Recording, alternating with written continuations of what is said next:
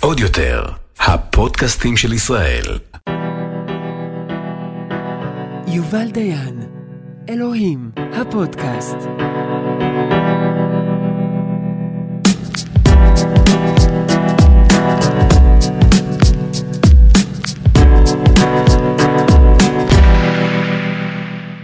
שלום אה, אנשים טובים, אה, אני יובל דיין, ובשעה הקרובה אנחנו הולכים להיות ממש ממש רוחניים.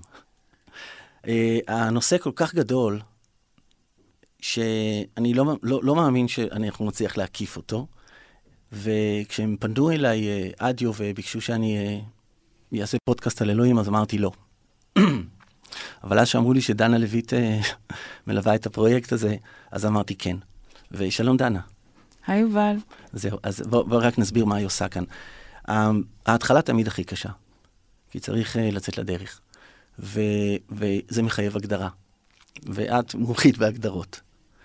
ו, וחשבתי שהפעם הראשונה שנשב, זה צריך להיות יחד, כדי שנעביר איכשהו את התהליך המאוד מאוד מסובך ומורכב באיך מדברים על אלוהים. אז אם אני מומחית למילים, אה, אז אני אגיד שאני אגדיר את זה, אתה הכרחת אותי לבוא, ואני באתי. נכון. יפה. אז אתה אלוהים שלי. ותודה. אני אבוא תמיד. אה, אלוהים, וואו, איזה נושא, אה? אלוהים הוא, הוא וואו, ובעיקר, אה, אני חושבת שבמפגש הראשון שלנו, מה שתפס אותי בטירוף, זה שאמרת לי שאלוהים הוא סיפור טוב. אחלה סיפור, מה? ו... ואמרתי, בואנה, סיפור. מה זה, אימפריות אה, עולות ונופלות, סיפור? ואז התחלת להסביר לי. כן, כן. אה, אחרי הרבה מאוד שנים של חקירה, וזה מה שאני עושה מאז שאני זוכר את עצמי פחות או יותר, אני פשוט מחפש את אלוהים. אה, יש לי כמה תובנות.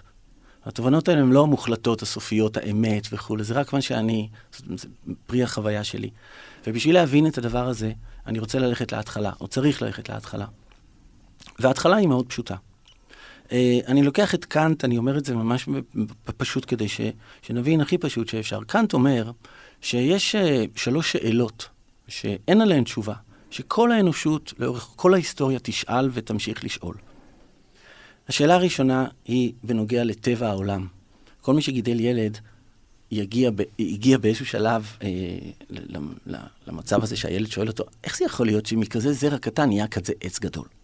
איך יכול להיות שהשמש היא תמיד יודעת ל... כל מיני שאלות שהן טבע העולם.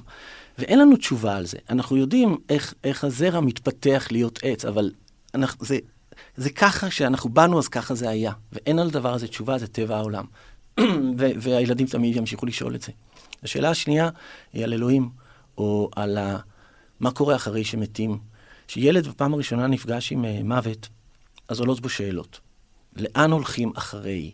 מה היה לפני? זה שאלות שלא עולות קודם, ואין לנו תשובה על זה. בדרך כלל ברוב התרבויות גם זה יערב את שאלת האם יש אלוהים או אין אלוהים, החיים אחרי המוות. אין לנו תשובה אבסולוטית על הדבר הזה, אנחנו לא ממש יודעים מה קורה אחר כך.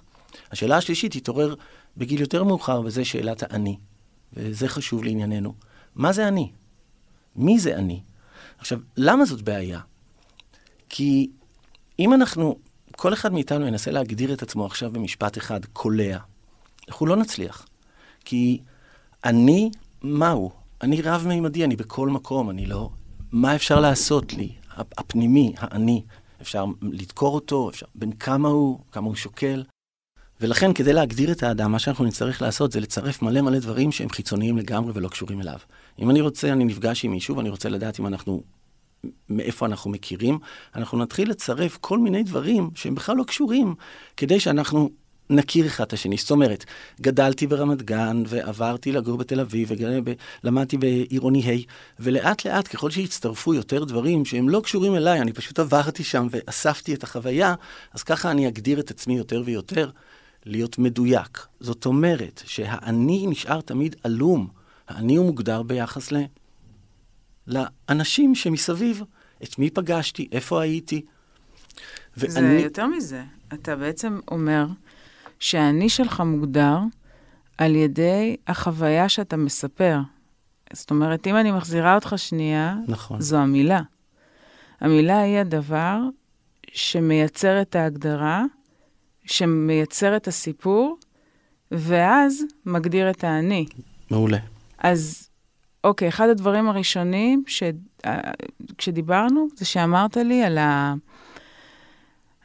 על היווצרות המילה ועל ה... על הרגע הזה שהמילה בעצם יוצרת את ההגדרה. זאת אומרת, האדם, אה, לפני שהוא דיבר, הרגיש קרן שמש, עכשיו אני מדברת במילים, אני מספרת את זה, אבל הוא הרגיש קרן שמש, הוא הרגיש חום, הוא רצה את החום, הוא היה לאורו של החום, זאת אומרת, אותה, אותו, אותו דבר שלא היה לו שם, ובאיזשהו שלב, התחושה הזו במהלך היום הלכה ונעלמה ונעלמה, היום אנחנו יודעים שזה כי השמש שקעה, או כי, כי כדור הארץ אה, סיים, אה, ו, ובעצם הוא הרגיש את היש והוא הרגיש את האין, וזאת הייתה החוויה שלו.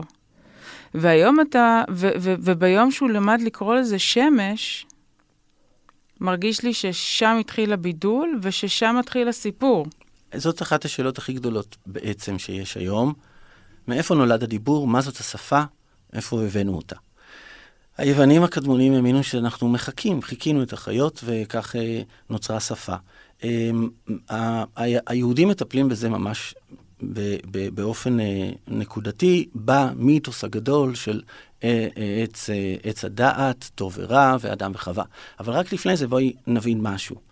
המודעות של האדם, המודעות העצמית שלו היא נובעת מעצם היכולת שלו להגדיר את עצמו בתור אני. עכשיו, הדבר היחיד שאפשר לומר במשפט אחד על אדם ויבדיל אותו מכל השאר וייחד אותו, זה רק דבר אחד. הוא יודע באופן מוחלט שהוא זה לא הם. איך הוא יודע שהוא זה לא הם? הוא יודע על סמך הזיכרונות שלו, על סמך הסיפור שלו. יש לנו את הסיפור, גם לי וגם לך, מהבוקר שקמנו ועד עכשיו. אנחנו יכולים לשבת ולספר אותו. קוראים לזה הנרטיב יומי, כזה. בואי נלך אחורה מאז שנולדנו, יש לנו גם סיפור. חלק ההורים סיפרו וחלק אספנו לבד. זה אוסף של זיכרונות, של רגעים כאלה שאנחנו בעצם מספרים אותו. יש לנו עוד נרטיב שאנחנו קשורים אליו, המין האנושי. נכון, אז זה חלוקות הדעות מאיפה הגענו, אבל יש לנו היסטוריה כזאת. ואנחנו קשורים בכל הסיפורים, והם חלק מהסיפור שלי, הפרטי, אבל זה סיפור, וזה מאוד חשוב. רגע, עכשיו, עצם זה שאני מודע, זאת אומרת, ל, ל, ל, אני מודע, יש לי מודעות עצמית, אני יודע שאני זה לא הם. הדבר הזה יוצר ניכור. השפה, או היכולת שלי בעצם לספר לעצמי סיפור שונה משלך, זה מה שיוצר את הניכור. הניכור של האדם בעצם מהסיפור שלו. הסיפור שלי הוא חיצוני אליי. רק על ידי הניכור בן אדם יכול להתמיד ולזכור כל הזמן את השם שלו. השם שלו, שמבדיל אותו, מבוסס על הזיכרון שלו.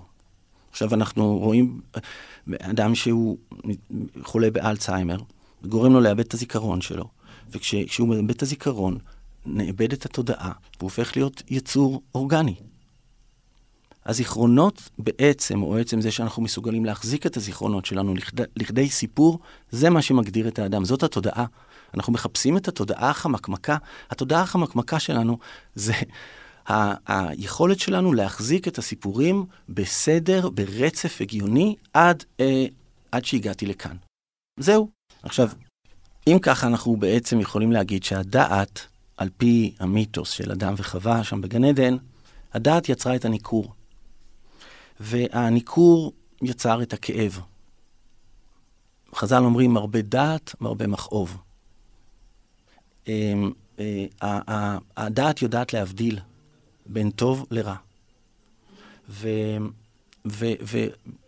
וכתוב אה, בגמרא, חז"ל שואלים, אה, אם אין, אומרים ככה, אם אין דעת, הבדלה מנין.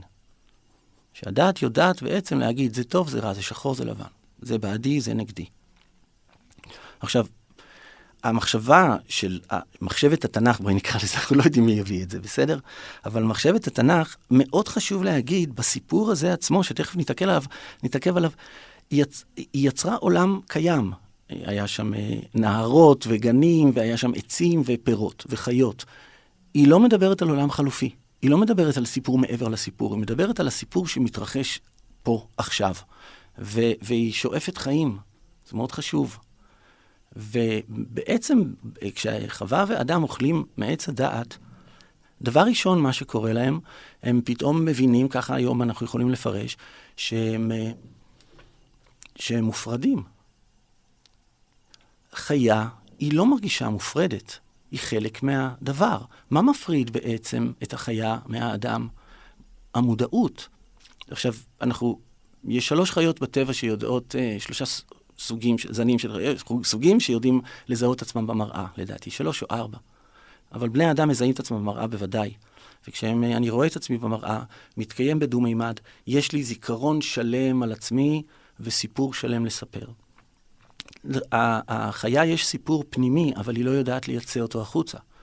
ולכן ההבדל בין בני אדם לבין חיות זה רק בדיבור או בשפה, המתת אל הזה. שאנחנו יכולים לבנות איתו בניינים גדולים או להרוס אותם. עכשיו, בואי נתעכב שנייה על ההבדל בין אדם לחיה, בין מדבר ללא מדבר, כי הוא משמעותי מאוד, לדעתי. ננסה לפשט את זה הכי פשוט שאפשר. הטבע מנוהל על ידי אלגוריתם, שקוראים לו כוח. מה זאת אומרת? כל מי שיותר חזק הוא למעלה, ומי שיותר חלש הוא למטה. האלגוריתם הזה הוא מאוד מדויק, והוא מחלק את החיות אה, על פי מינים, הגנטיקה הכי טובה אה, תהיה, הוא יהיה אלפא, הגנטיקה הפחות טובה ירד למטה. וככה הם יסתדרו בעצם במבנים אה, מסודרים של היררכיה טבעית, דטרמיניסטית, מוחלטת. הם לא יכולים לעשות שום דבר בשביל לשפר את, את המקום שלהם. ולא משנה כמה תחמן יהיה אריה. אם הוא לא מספיק חזק, אז הוא יהיה שלישי בתור. אה, לצורך מה הם בעצם מסתדרים? לצורך חלוקת משאבים. חיה צריכה שלושה דברים בשביל להתקיים בטבע, טריטוריה, מזון ומין. אז האריה החזק ביותר יקבל את הטריטוריה הכי טובה, היא הנקבות הכי פוריות, וכמובן שהוא יאכל ראשון. אבל אף אריה, ולא משנה כמה חזק הוא יהיה, לעולם לא יעלה פתאום כל מיני שאיפות התרחבות, והוא ירצה עכשיו אה, לכבוש אה, עדר זברות שיבנו לו ארמון. הם תמיד הסתפקו במה שיש להם, ולכן הטבע מאוד מסודר. אל תוך המערכת הזאת, אה, שגם אנחנו נזרקנו אליה, כי גם אנחנו חיים תחת המגבלות הדטרמיניזם, ומי שיותר חזק הוא יותר חזק. זה, אלוהים עשה אותו ככה. אבל לנו יש עוד מנגנון, עוד אלגוריתם. האלגוריתם הזה הוא מאוד מעניין, זה האלגוריתם של השפה, והוא מתנגד על האלגוריתם הכוח. זאת אומרת, נכון שבטבע החלשים טורפים אותם, ולנו יש מילים שאומרות, תעזור לעני, תתמוך בחלש. אה, אז רגע, אז אתה אומר לי, אני מסיקה, תוך כדי שאתה מדבר, אני כזה כותבת, כי הרעיונות רצים, אז בעצם אמונה לא יכולה להתקיים לפני שפה. מדהים, מדויק לגמרי. שפה לא מתקיימת ב- ב- ביחיד. היחיד הוא, הוא ער למה שאת אמרת קודם, הוא ער לתחושות הפנימיות שלו, והוא לא צריך לדווח לאדם אחר מה הוא מרגיש כדי להרגיש. שפה מחייבת שניים. שניים שיש ביניהם מערכת של סמלים, הסמלים האלה מחייבים אמונה משני הצדדים, שכשאני אומר שמש ואת אומרת שמש, אנחנו מתכוונים לאותו דבר. ולכן האמונה או ההסכמים, הם חייבים להיות השורש של השורש של השורש של השפה. רגע, אבל אני רוצה להקשות. כי כשלא הייתה לי שפה והרגשתי את השמש יום אחד, יום שני, יום שלישי, נבנתה בי אמונה לא ורבלית, אולי אה, פריימל כזו, שמחר בבוקר, החום הזה שאני מרגישה, שלא ידעתי לקרוא לו חום, יבוא שוב, והוא ילך ממני והוא יבוא. זאת אומרת, כן בניתי מערכת יחסים עם הטבע, ומתוך ההיכרות, ברגע שאני יודעת, אז, אז שלב שקר לי בו, אני כן מייצרת בו בעצם אמונה שהחום יחזור, או שלא. רגע, שנייה, בואי נסביר. אני ראיתי את הסרטון הכי טוב שראיתי ביוטיוב ever, זה על, um, רואים uh, צוות טלוויזיה, כתב וצלם, והם הולכים עכשיו בתוך שדה מוצף עד המותניים, הולכים לראיין איזה עיקר שנשען על הגדר שלו, ומאחורה הכל מוצף. טוב, הם מגיעים אליו, ואז הוא מתמקם, הצלם מתמקם, והוא מושיט לו את המיקרופון, והוא שואל אותו שאלה בספרדית, בשפה שאני לא, לא, לא, ספרדית או משהו שם כזה. ואז הוא מסיים את השאלה, הוא מגיש לעיקר הזה את, ה, את המיקרופון, ואז מתברר שהעיקר הזה הוא אילם חירש.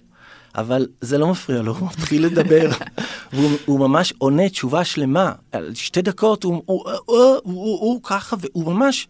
אוקיי, והדבר הזה היה כל כך מדהים, שהכתב, הוא לקח את המיקרופון ושאל אותו עוד שאלה. זה מבחינתי רגע קולנועי פשוט מרתק, דוקומנטרי, אבל אני הלכתי חזרה אל, המקום, אל המקורות שלי ואמרתי, איזה קטע שכל פעם שאני מדבר על זה, על, ה, על מה שמבדיל בין בני אדם לחיות, השפה, אנשים אומרים לי, גם כלבים מדברים. והתשובה שתמיד הייתה חלקית, כי נכון, הם מתקשרים, אבל אני לא יודע מה ההבדל, לא ידעתי להגיד. וכשראיתי את זה הבנתי, פשוט. לא צריך להבין את, את השפה לדבר, כל בן אדם שהיה רואה, שומע אותו אומר את זה, היה מבין מה קרה כאן. מה, היה הצפה וכולם ברחו ואני נשארתי, הוא לא, זה, זה פשוט מאוד מה שקרה כאן. אבל, בעוד חודש, בעוד חודשיים, האדם הזה ירצה לספר להם שתיזהרו, באביב מגיעה הצפה, הוא לא יוכל. ה- ה- היכולת שלו לייצא אינפורמציה ולגרום לאינפורמציה הזאת להיות נחלת הכלל, זאת אומרת, אה, לעלות, אה, נגיד, למעלה, למקום ש... אנשים צריכים להאמין באותיות, שזה אותן אותיות, ברעיון, שזה, במילים של אותן מילים, כדי שהם יוכלו להמשיך ולייצא את האינפורמציה דורות על גבי דורות. ההבדל בינינו לבין חיות, שחיות האינפורמציה שלהם היא דורית. בדור אחד. תמיד הזקנים יזהירו את הצעירים, אבל הם לא יוכלו לספר להם מה כאן לפני שהם נולדו. אנחנו... אין מיתוס. אין מיתוס. אין בניית מיתוס ואין בניית אתוס. נכון. זאת אומרת, אנשים חופשיים. האנשים, יש להם... אה, אה, או בבלגן, תלוי איך אתה מסתכל אוקיי, על זה. אז, אז עכשיו בעצם, לשאלה הזאת שאנחנו מדברים עליה, מאיפה באה השפה? כל האנשים, הרבה אנשים מאוד חכמים חוקרים את זה כבר אלפי שנים, בטח אה, חומסקי לדעתי הולך לקבל עוד רגע פרס נובל על החקירה הזאת שלו, מאיפה הגיע הדיבור. יש פה בעיות קשות מאוד בהבנה. אז המדענים, כאילו, החוקרים רוצים להגיד ששתי האונות הקדמיות שלנו, של האדם, שצמחו לנו פתאום כמו פטריה על הראש, ושם מתרחשים גם תהליכי הדיבור והשפה וההבנה והפענוח, זה ההבדל, שם זה קורה. עדיין, מה קורה? אנחנו מסוגלים, אה, כמו אלוהים ממש, לברוא עולם. וירטואלי אמנם, אבל האדם, לפעמים העולם הווירטואלי שהוא בורא הוא יותר חזק אפילו מהעולם האמיתי שיש כאן. אה, אדם כותב ספר, והספר הזה יכול לשנות את ה... לשנות אדם. בקיצור, הקורא ייכנס לספר, וכשהוא יצא מהספר הוא כבר לא יהיה באותו מקום בחיים. אה, אה, מרקס, מרקס ואנגלס עשו, זו דוגמה מאוד טובה. מה זה הדבר הזה? היכולת שלנו לייצר אינפורמציה ולייצר עולם וירטואלי, רפאי, שקיים רק במחשבה. שהוא רעיון. שהוא רעיון. שהוא אמונה. שמייצר אמונה. שהוא, אתה יודע, אני תמיד אומרת שהסלוגן הכי טוב שיש בעולם, יצר צה"ל. אחריי. אחריי. איזה סלוגן זה. נכון. אנשים מתים בשביל המילה הזו. אה, אנשים מתים בשביל הרבה מילים. כן. זאת אומרת, יש כאן שאלה מאוד גדולה, ואני מתחבט בה הרבה מאוד שנים. מה יותר גדול, הסיפור או זה שסיפר אותו? כי אני יכול לספר לעצמי סיפור על uh, רעות, אחווה, ונעשה uh, את זה אחרת. אז יכול... את אלוהים המציא פרסומאי, לפי מה שאתה אומר. בוא... כאילו, אולי זה חומסקי אחר שהמציא את אלוהים, אני, לא, לא... פרס נובל. Uh, לא, אני התכוונתי לנועם חומסקי. כן, אני יודעת, צחקתי. uh, אני לא יודע מי המציא את אלוהים, אבל זה וואחד המצאה שאי אפשר לתאר. תראי, אנחנו, אם אנחנו נתייחס uh, למילים שלנו בתור uh, אמצעי תקשורת, אז אנחנו, אז, אז אוקיי, זה מוגבל מאוד, אז אנחנו נתקשר בינינו ויש אה, מלחמה או אין מלחמה ואנחנו נדע להזיז סחורות וכאלה. אנחנו משתמשים במילים שלנו ככלי יצירה. אנחנו יוצרים עולמות שהם בעצם אמורים לתמוך באיזשהו אופן בחיים שלנו, או נגיד לנצח את האלמנט הכוח. אז אבל אתה עשית שילוב.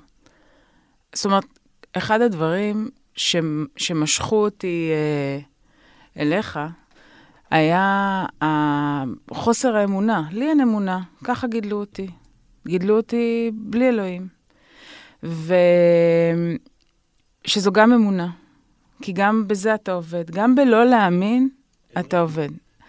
ואז גדלתי, ו- ו- ו- ואתה מגלה שחסר לך, חסר לך, חסר, חסרה לך אמונה. אתה אמרת לי, אני אמרתי לך גשר, ואתה אמרת לי, זה לא גשר, זה לקפוץ. זה, האמונה זה הדבר הזה שאתה קופץ. ו...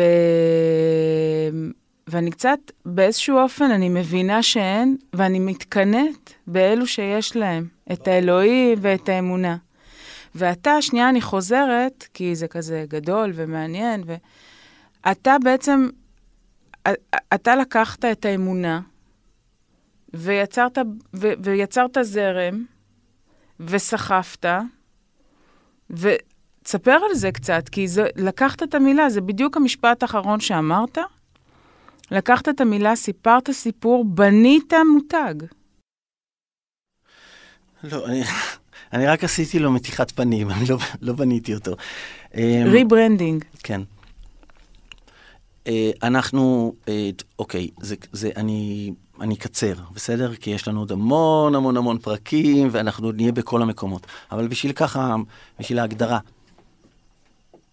אמ, אנחנו חיים במציאות אה, כאוטית. העולם הזה הוא אקראי, כשאני מסתכל אחורה 53 שנים, אין שום pattern שאפשר להגיד, או תבנית שאפשר להגיד, הרשעים הם קיבלו מכות והצדיקים הם, יש, היה להם טוב. ולאורך השנים מסתכלים, ויש את ההרגשה שאתה הולך בין פגזים כל הזמן, של לא פגע בך, לא פגע בך. עברה עוד שנה. יש אי סדר בעולם, ואנחנו בתור בני אדם, אנחנו כל הזמן מחפשים היגיון, מחפשים איזה נרטיב שיהיה הגיוני, שאני אוכל לקום בבוקר ולהגיד, אוקיי, זאת המטרה, זאת המשמעות שלי. המשמעות מחוברת ב, בסיפור שלי. אבל מדי פעם, ודרך כלל אנחנו מחזיקים את הסיפור, זה בסדר, רוב הזמן, אבל מדי פעם האדם פתאום נתקל, נתקל באי סדר. אף אחד לא מודיע לך שהילד הולך פתאום אה, להיות אה, חולה, שמישהו חבר פתאום עבר תאונת דרכים, אף אחד לא מודיע לך, וזה פתאום נוחת על האדם. בשלב הזה, שהאדם פוגש את האי סדר, בדרך כלל הוא לא יכול להתמודד, והוא נזעק למצוא סדר. איפה הסדר נמצא? בסיפור. הוא יחפש סיפור. הסיפור שיגיד לו שיש סדר אפילו שהוא לא מבין, כדי שהוא יוכל לעבור עוד יום. אני, אני, אני מאוד, אני, אני לא מזלזל בשום דבר, אני חושב שזה חשוב, זה מה שחיפשת בעצם. האם אפשר שמישהו יבוא וסוף סוף יגיד לי, ישכנע אותי שכן יש סדר באקראיות הזאת? תנו לי לישון בשקט, לדעת שאני משאירה לילדים שלי עולם טוב? רבי נחמן אמר, הקטנות שלכם לא תסתיר את הגדלות שלי. הלוואי שמישהו היה אומר לי את זה, שאתה, יהיה בסדר, אל תדאג. מדהים זה שאתה מצטט מהעולם שאליו נכנסת, ממנו יצאת, והכל מתקיים בך ביחד, כל הדבר הזה. Uh, סטיב ג'ובס אמר, קראתי, הוא אמר ש, שהדתות השונות זה כמו דלתות, הן דלתות שונות, אבל זה לא אותו בית. ועכשיו, בואו נשאל אם יש בית, אין בית, יש ויכוח. אבל uh, אני, אני, אחרי שנכנסתי, אני נכנסתי לתוך היהדות אחרי שכבר הייתי בכמה כמה חקירות בחיים שלי. זו לא הדת הראשונה שפגשתי. ואני הגעתי בעיקר מבודהיזם. והתלבש עליי בול. בול. זאת אומרת, אה, פתאום... אה, פתאום הקריאה של רבי נחמן, אני לא חזרתי בתשובה ליהדות, אני לא ידעתי בכלל שזה רלוונטי. אני חזרתי למחשבה של רבי נחמן, והוא אקזיסטנציאליסט במחשבה שלו, דתי, אבל אה, זה, זה, זה פוסט, פוסט, פוסט-מודרניזם, זה מאוד מעניין. והוא מדבר על האינדיבידואל ועל האני, וכמה אני חשוב, וזה הזכיר לי פתאום את, את, את, את סארטר, כל מיני הוגים אה, כאלה פוסט-מודרניים, וזה פשוט ריתק אותי. היה, הוא, הוא אמר את, ה, את מה שחיפשתי כל החיים, הוא אמר, החוכמה הכי גדולה זה לא להיות חכם. החוכמה הכי גדולה זאת התמימות, השלמות, הרגע, המקום שלך בעולם, זה פשוט ריתק אותי. לאט לאט זה פשוט, זה לקח אותי למקומות שכבר לא הייתה לי שליטה. אבל בתוך המחשבה היהודית, בתוך המיתולוגיה היהודית, זאת שאנשים לא מכירים. מסתתרים דברים מופלאים, באמת. אנשים נוסעים עד, אה, עד, ה, עד השמנים בשביל uh, טיפה uh, לחלוכית של זה, ויש כאן דברים מדהימים. נכון שזה מכוסה בהרבה מאוד שכבות של שכלה ושל פוליטיקה, אני, אני, לא רוצה לקלל יותר מדי, אבל זה הכעס שלי, הכעס שלי, ולכן גם אני הכרזתי סלמת כל טוב, זה נשאר משהו אחד בעולם זאת אומרת, לפחות לפי התפיסה שלי, שהוא מספיק נקי וטהור בשביל שלא תעשו עליו פוליטיקה. וזה אלוהים. אלוהים של האדם, האלוהים של כל אחד. ולקחת ולנכס אותו ולהגיד, לא, האלוהים שלך הוא פסול, האלוהים שלי הוא נכון, אני חושב שזה זה, זה החטא הכי גדול שאפשר. תן לבן אדם את הרשות להאמין שהאלוהים שלו אוהב אותו, אף על פי שהוא נוסע בשבת. תן לו את המושג, את הערך העליון של המושג. הפוליטיזציה של זה היא נורא מעצבנת. בעוד שאנחנו עוסקים בדברים כל כך עמוקים בנפש, אדם צריך אלוהים. את יודעת, דנה, אני טיפלתי לאורך השנים בהרבה מאוד נוער קשה. ויש ילדים שמגיעים למצב בחיים שלהם, שהם עומדים על הגשר, והם רוצים לקפוץ, ואדם בשלב, בשלב כזה בחיים, הוא מסתכל רגע למעלה, שנייה אחת. ואם האלוהים הזה שעכשיו למעלה מציץ עליו בחזרה, והוא דוקר אותו, והוא שונא אותו בגלל שהמעשים שלו לא מספיק טובים, הילד הזה יקפוץ. המינימום שאנחנו יכולים לתת זה אלוהים אוהב, שתמיד יש בו תקווה. אז האלוהים שלך הוא, אה, הוא הורה. הוא אוהב ללא תנאים. זה, האלוהים, זה האלוהים שהיית רוצה ש... זה האלוהים של היהדות הקלאסית, הפשוטה, לרבק. איפה הלכנו? עד כאן החלק האומנותי, זאת אומרת, עד כאן אנחנו רוחניים ועפים בעולמות הפילוסופיה. מהפעם הבאה ולהבא, אני, אני אשתדל לדייק את המחשבה על אלוהים, איך היא באה לידי ביטוי תכלס, בזוגיות שלנו במשפחה, אמ, בהתנה, בהתנהלות שלנו אל מול הרשתות החברתיות. אנחנו ננסה לחפש את הנגיעה של אלוהים בכל מיני תחומים שהם ממש רלוונטיים לחיים שלנו. או אם אני אתק... או אם אני אנסה, אנחנו ננסה להגדיר לנו את האלוהים בתוך הדברים האלה. כן, כי... משהו שאולי אפשר להסכים עליו? ולהריץ אותו לכנסת או משהו. אולי מירב אלוהים, לך תדע. נגלה. בכל מקרה, אמ, אני אמ, בדרך כלל אמ, מצומצם ב... ב... ב... ב- ביכולת שלי להגיד את הדברים. אני חושב שזה ממש מקום ממש טוב לנסות ולברר כל מיני דברים שלכאורה הם פשוטים, אבל הם הכי מורכבים שיש. אלוהים זה וואחד דבר. בגלל זה הוא קיבל פודקאסט. טוב, אז אנחנו uh, נתראה בפרק הבא. כן, תודה שהכרחת אותי לבוא. ותודה שבאת. אני פה תמיד. עוד יותר, הפודקאסטים של ישראל.